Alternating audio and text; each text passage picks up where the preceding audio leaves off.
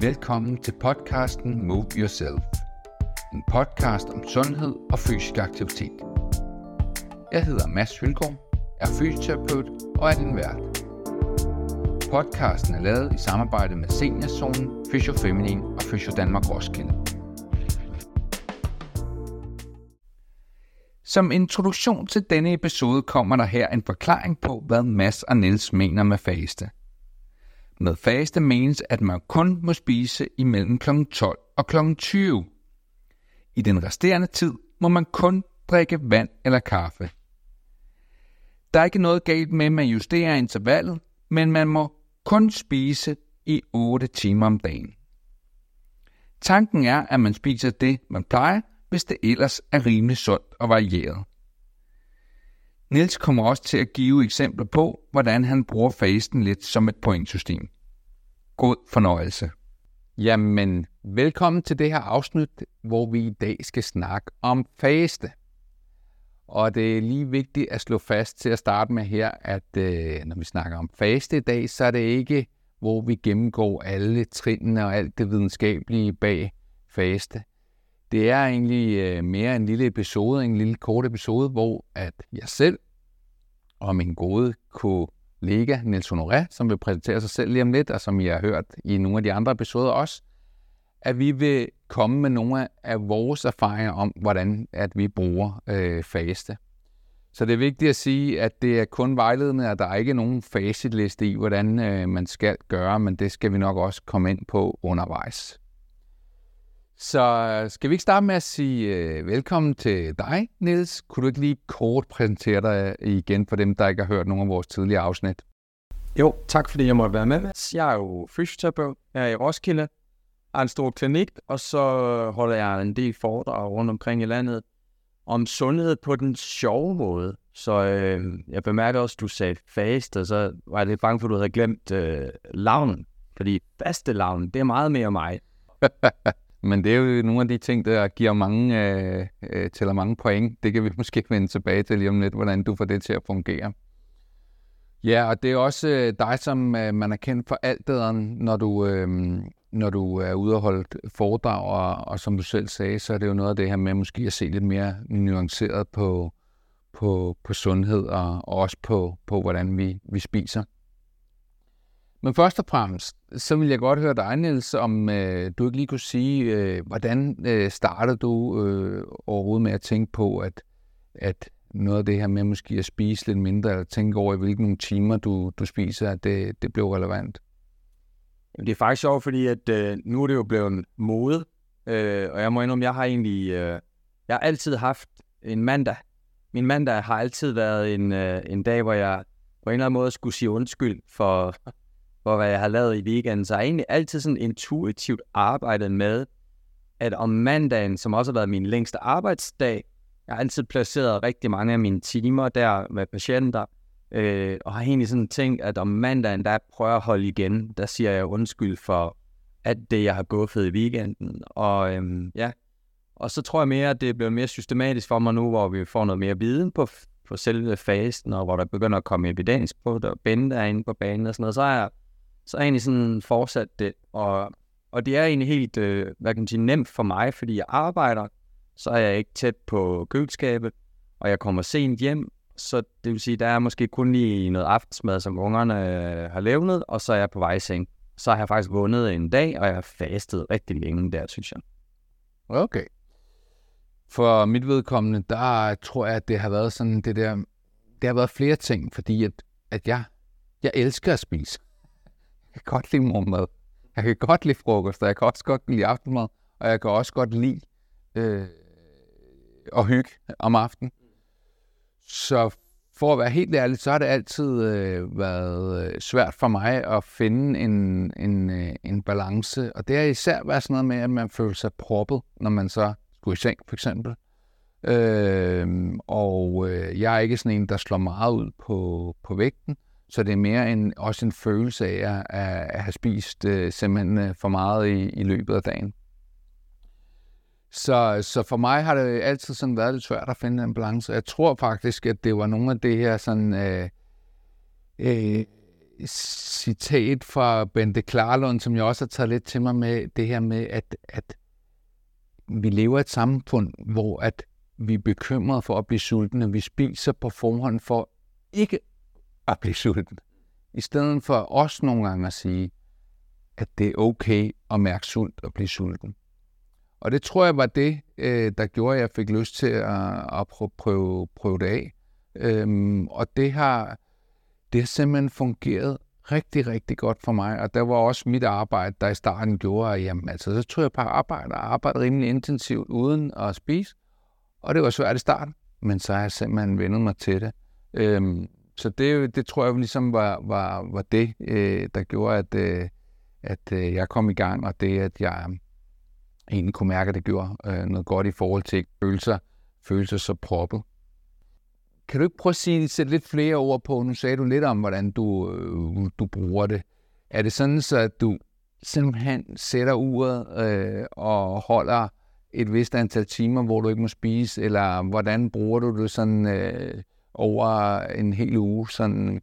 Altså, jeg, jeg må indrømme, jeg er 50 år gammel, øh, så jeg, jeg bruger det meget som en, en vægtregulering. Jeg, jeg er nødsaget til, med det liv, jeg lever i dag, hvor jeg synes, jeg både bliver inviteret meget mere ud at spise, og jeg har flere lejligheder til øh, mine store børn og have dem øh, ude at spise og, og, og gode venner, og der inviterer og sådan ting. Og jeg, jeg kan mærke, at hvis ikke jeg tænker over det nu, så stikker det af for mig rent dækmæssigt. Så, så det er meget...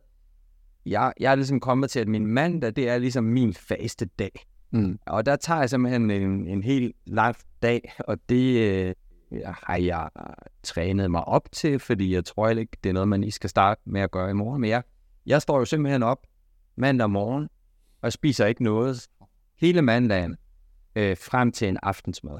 Okay. Og den aftensmad, jeg spiser, der er jeg meget, meget bevidst om, at jeg spiser en lille portion. Så jeg, jeg prøver virkelig på at mestre min selvkontrol der. Men det er også kun mag. Mm. Jeg gør det, hvor jeg bruger rigtig mange ressourcer på at gøre det. Så, så kan jeg være løs resten af ugen og slække lidt.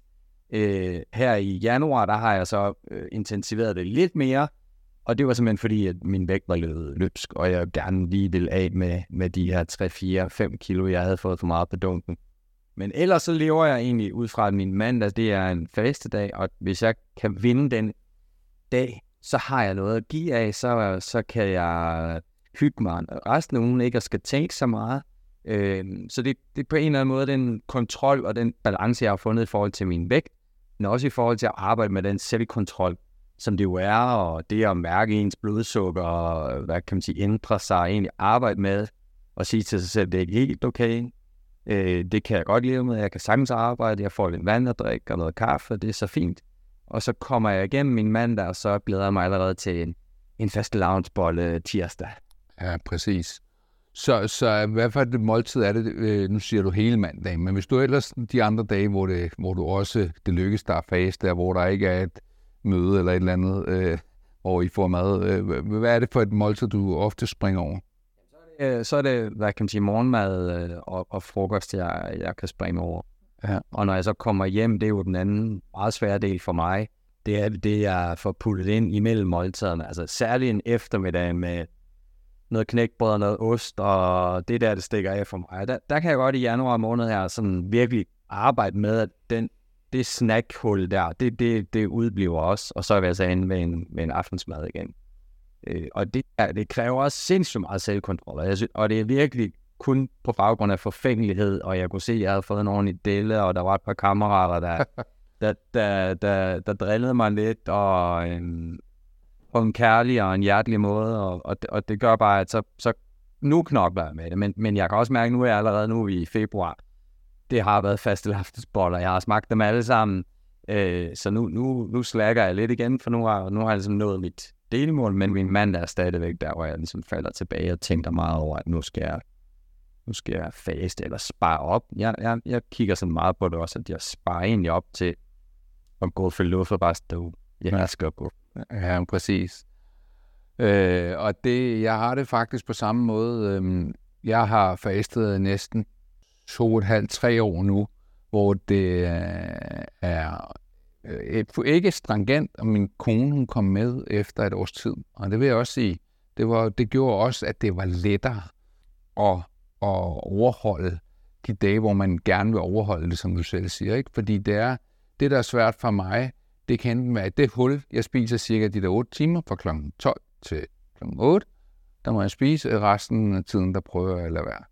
Og i de timer, der, øhm, der kan, det, hvor det kan være svært, det er, at, at man ikke får spist for meget i de timer. Og det, kan også, det er svært, det der med ikke at spise noget efter øh, kl. 8. Og det er der, hvor at jeg også slækker den i, i weekenderne. Men jeg synes stadig, at det er en ramme, som, som du selv siger, som kan være sjov at skrue på. Så hvis man ved, at man nogle gange i weekenden, så spiser man måske lidt mere til frokost, fordi man ved, at der er en fast alarmsbold her, eller sådan ting. Så have rammen og bevæge sig indenfor, og så skrue knapperne. Det kan alt være, at man spiser en time senere frokost, fordi så kan man også spise lidt hygge om aftenen, eller hvad det nu kunne være.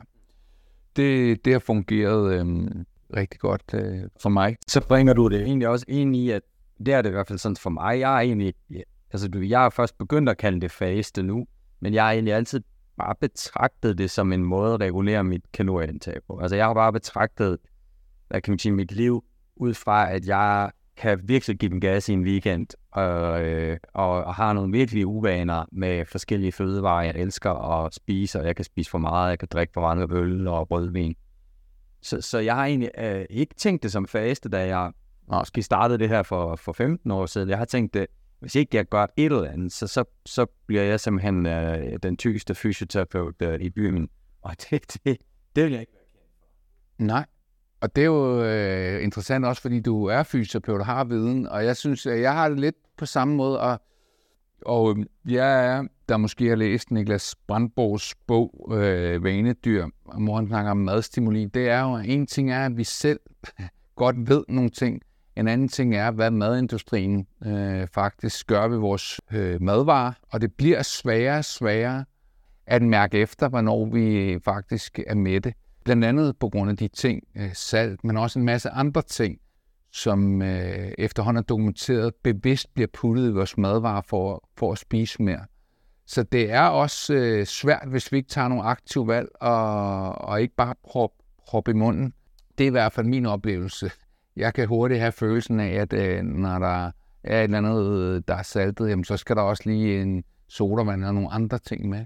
Så jeg tror, det er vigtigt, at vi tager øh, nogle bevidste valg på baggrund af, af den udfordring, vi også står for i samfundet med vores mad, madvarer. Ja, og det er jo uhyggeligt, når man kigger på, fra vi var børn, og nu er jeg jo den ældste her, men altså hvis man kigger på sådan nogle helt basale fødevarer, hvor meget mere salt og hvor meget mere sukker, der er kommet i dem, fra over så mange år. Og vi ved jo også, at Danmark er det land, der har det højeste sukkerindhold i en sodavand. Der er faktisk i Europa kæmpe stor forskel på, hvad man som italiener oplever som sødt, og hvad vi danskere har vendet os til, hvad vi oplever som sødt. Så derfor så er der skruet meget mere sukker i en cola for eksempel i Danmark, end der er i andre europæiske lande, fordi vi har vendet os til, at sådan skal en, cola smage, men også fordi fødevareproducenterne stille og roligt skruer op for det, fordi de kan se, at det skaber en adfærd af, at vi skal have det igen, og vi skal have det her drug igen. Og det er uhyggeligt, at bare på sodavand er der kæmpe stor forskel i Europa.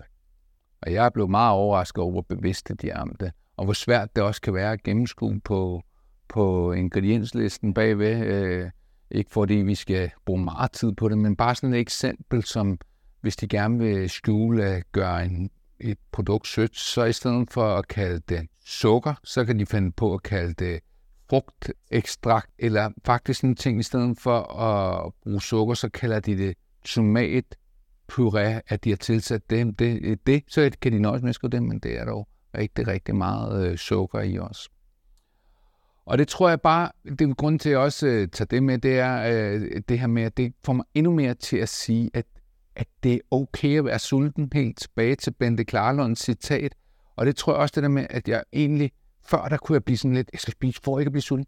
Nu er det, det er ikke farligt at føle sult i en kortere periode. Overhovedet ikke farligt. Og den der sådan tankegang, det har gjort, at det blev normalen for mig, at, at føle, øh, føle sig sulten. Det er også derfor, jeg tror, at, øh, at jeg faktisk har kunne holde det i, i slagtet. Men jeg tror, man skal nå dertil, hvor man føler, det er helt okay at være sulten Ja, så siger du det der med, at det ikke er farligt at være sulten, men det er jo mere interessant, at det måske også er sundhedsfremmende, at du lærer din krop at være sulten. At den får lov til at prøve at arbejde med, at den ikke hele tiden har kalorier i kroppen, fordi det er jo der, hvor evidensen ligesom også er spændende, at det ser ud som om, at det måske også er en del af jeg kan sige, pakken af at holde sig sund og rask og, og blive gammel. Ikke? At der er et element her, hvor at man, hvis man kigger tilbage i, altså hvorfor, hvorfor faster man i, øh, i klostret? Hvorfor, hvorfor har det været en del af menneskets natur, ligesom at, og, hvad kan man sige, arbejde med det at være, hvad kan man sige, en længere periode, ikke at have kalorier, altså da vi slet ikke,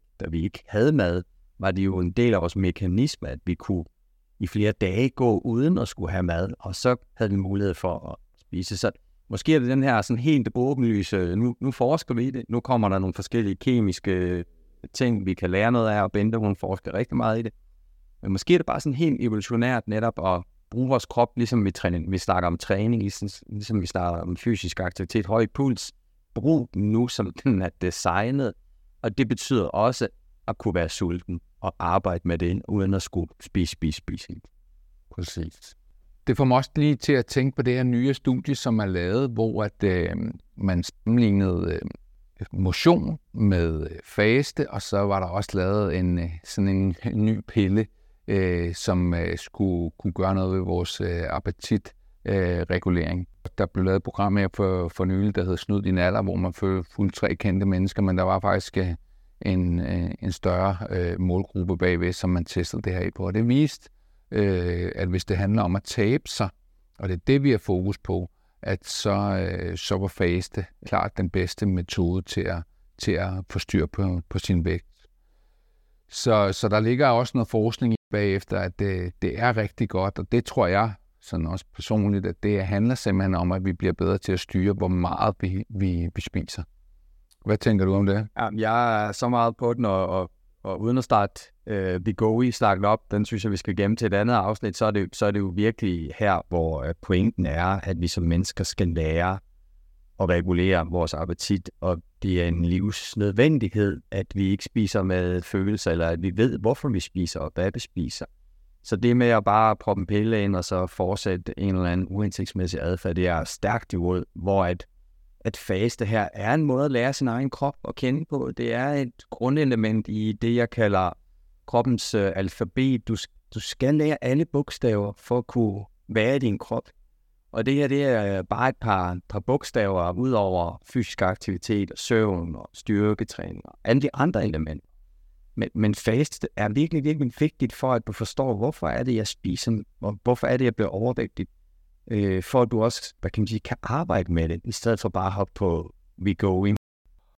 Hvis vi lige skulle også lige gøre sig øh, også nogle overvejelser omkring, er der nogen, hvor du tænker, at, at vi skal passe på at rådgive eller bruge faste? Og det er jo helt klart, jeg har, jeg har faktisk selv oplevet at få et, øh, jeg troede, jeg fik et angsttilfælde. Øh, jeg blev simpelthen fysisk dårlig, og, og det svimlede, og jeg fik, øh, altså du ved, virkelig øh, feberlignende symptomer, som, som når man virkelig bliver syg. Øh, og der havde jeg simpelthen glemt, at jeg havde fastet ud over, hvad jeg måske var, var godt, og, og fik egentlig sådan et ildbefindende, og, og lige så snart jeg fik lidt at drikke og lidt, lidt øh, æblejuice, var der en god kollega, der gav mig, så var jeg tilbage igen, og det ser jeg jo også med mange af vores ældre patienter, at jeg vil sige, altså i alle de situationer, 9 ud af 10 tilfælde, hvor vi har et ildbefindende i huset, så er det på grund af, at man måske lige har glemt at spise eller få drukket vand. Så den ældre målbrug er jo helt klart nogen, der lige, vi, vi skal være opmærksom på det, og som vi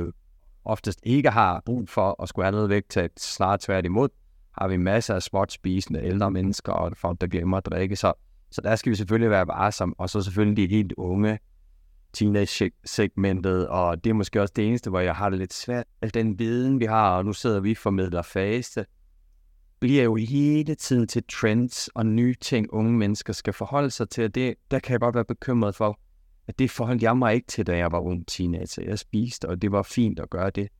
Det er ligesom om, for hver gang vi finder noget, så, så ryger det ud på TikTok og Instagram, så skal de også arbejde mere faste, og det er jo måske det, der også er en del af en trivselsproblem, det er et andet afsnit, men vi skal passe på med at, at, at sætte de unge mennesker i spil på det her Øh, fordi så skal de også fast, og så skal de også det, og det er hårdt nok at være ung menneske, så. Ja, jeg er meget enig, og det, der er man meget splittet i, i det, fordi at overvægt er jo også et problem for unge, men, men han, er det måske en helt anden måde, vi skal gribe det an på. Der tror jeg, vi skal passe på med at, at lægge det ned over de unge, og jeg er også meget enig med de ældre. Der er jo rigtig mange ældre. Det er jo et kæmpe problem, at de også er underernæret. Ja, der har hørt mig før øh, snakke om styrketræning, og hvor vigtigt det er, at man får øh, nok proteiner. Der er det jo i hvert fald ikke den rigtige løsning at tænke fast. Der skal man nok tænke mere over, hvor meget appetit kan man finde til at få spist nok proteiner eller det rigtige mad til at faktisk at, at tage, nogle, tage nogle muskel på. Ikke? Så, så for nogen er faste godt, og for, øh, for andre, der er det nogle helt andre øh, løsninger, og er det måske slet ikke nødvendigt at tænke lige så meget over, over kosten egen personlige erfaring er, at i perioder af mit liv kan det være godt. Men hvis jeg for eksempel er udfordret arbejdsmæssigt, eller der er nogle, øh, nogle problemer derhjemme, eller, så, så, så, så vil jeg ikke anbefale at gøre. Det er i de perioder, hvor man har sådan lidt overskud i livet, og ligesom kan sætte sig et, et mål og arbejde med det, og så ved vi jo godt, at livet er foranderligt, og der kommer toppe, og der kommer dale. Og så skal man måske også passe på med at, at, at arbejde for meget øh, i din periode. Sådan oplever jeg det i hvert fald personligt. Præcis, og det får man lige til at tænke på, det, det du siger, det, det er hurtigt omskifteligt til at gøre det, ikke gøre det. Og du er ikke afhængig af, at du skal lave andre retter eller lave om på din mad eller til kalorier på samme måde. Det synes jeg er noget af det, der fungerer også meget. Gør det netop let at sige, du gør det her, men ikke her for at få mit liv til at fungere. Ikke? Vi skal til at slutte af, Niels, og jeg tænkte, hvis du bare lige skulle give et enkelt råd, eller to, eller hvad du lige har, for at komme i gang, hvordan at øh, man kommer i gang. Øh, hvad tror du så, øh, man skal tænke over der?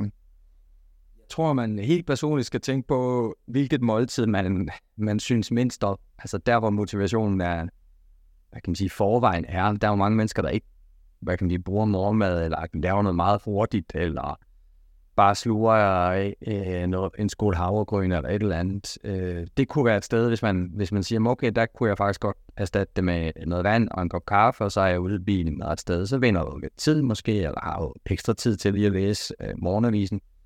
Det er den ene del, ikke? Øh, og ellers så netop sådan, fordi det er faktisk lidt svært med en frokost, fordi jeg synes jo ofte, det er en social ting herude på arbejde. Så det, det er mit eneste lille dilemma, det er, at nogle gange så, så melder jeg mig lidt ud af frokosten, fordi den stamina, jeg skal have, men også det der mærkelige i at sidde ikke at spise, det er faktisk sådan lidt socialt uacceptabelt og lidt svært for mig. Og det er lidt ærgerligt, for så, så trækker jeg mig fra det sociale. Så. Men det har fungeret for mig, og jeg, jeg, så holder jeg et møde der, og så kommer jeg ud i slutningen af frokostpausen og bidrager og drikker lidt kaffe der og får hygget lidt. Men, men det, øh, hvad kan man sige, som morgenmaden tror jeg, at de fleste mennesker måske er det nemmeste måltid. Og det er alligevel også en, 300-400 point, afhængig af, hvad man, øh, hvad man ligesom får forlader morgenmad, og det er nogle, nogle gode kalorier. Når jeg siger point, så er det fordi, alderen han arbejder mere med point. Det er sjovt, synes jeg, at vinde en konkurrence med point. Så, så det er jo sådan, jeg arbejder med, at oh, der sparede jeg lige 200-300 point om morgenen. I, hvis jeg så også kan spare et, øh, en middagsmad, jamen så har jeg jo øh, sparet 400 mere måske. Så har jeg 700 nede allerede fra på to måltider og så kan jeg næsten ikke gøre noget galt øh, om aftenen, uden at vinde. Og så har jeg lavet, øh, så har jeg vundet, hvor de andre dage, som jeg siger i weekenden, hvor jeg kørte øh, tre Kinder Bueno ned, og, øh, og fik lidt for meget rødvin, jamen det var jo det, jeg kalder en madkonkurs. Jeg ved, at jeg er bagud der. Jeg har tabt måske en dag, måske en dag to dage. Så det gælder om at vinde de, øh, de slag, man taber. Tak for dit gode råd. Hvis jeg lige skulle give et enkelt øh, råd, og det tror jeg ikke øh, øh, virker for, for alle i forhold til at komme i gang, så tror jeg, at noget af det, der kan være godt, det er, at måske man starter ud faktisk, hvor man ved, man skal nogle andre ting i løbet af ugen, så du kan fjerne det fokus. Fordi det er den der lige med at mærke sulten, er jo noget, man lige skal vende sig til. Så det der, hvis du ved godt, at du har nogle aktiviteter, du skal måske ikke gøre det i ferien. det er ikke der, du skal starte det. Men noget, hvor du ved, at du laver nogle andre ting om formiddagen, så du ikke øh, mærker den der sult i starten, så langsomt vender man sig til det. Det tror jeg kunne være sådan en lille startråd, jeg, jeg kunne finde på at give med. Godt, jamen øh, jeg håber, at I har fået noget ud af vores erfaringer med at faste, og jeg håber også, at vi har fået øh, givet det budskab at sige, at øh, vi kører ikke fanatisk faste, men vi prøver at skrue på knapperne, så det passer øh, ind i, i vores liv. Så jeg vil egentlig bare sige tak til dig, Niels, for at du givet, øh, gad at dele dine øh, erfaringer med faste. Selv tak, og skal vi ud og have en fastelavnsgård? Det tror jeg er ved at være tid. Tak for det, og tak fordi I lyttede med. Hej hej. Tak fordi du lyttede med til denne podcast, som er lavet i samarbejde med Fysio Danmark Roskilde og med seniorzonen.dk og fysiofeminin.dk, som tilbyder digital træning med over 10 temaer og 50 aktiviteter, der er lige til at gå i gang med, hvis du blandt andet har en skavank eller gerne vil leve op til Sundhedsstyrelsens anbefalinger.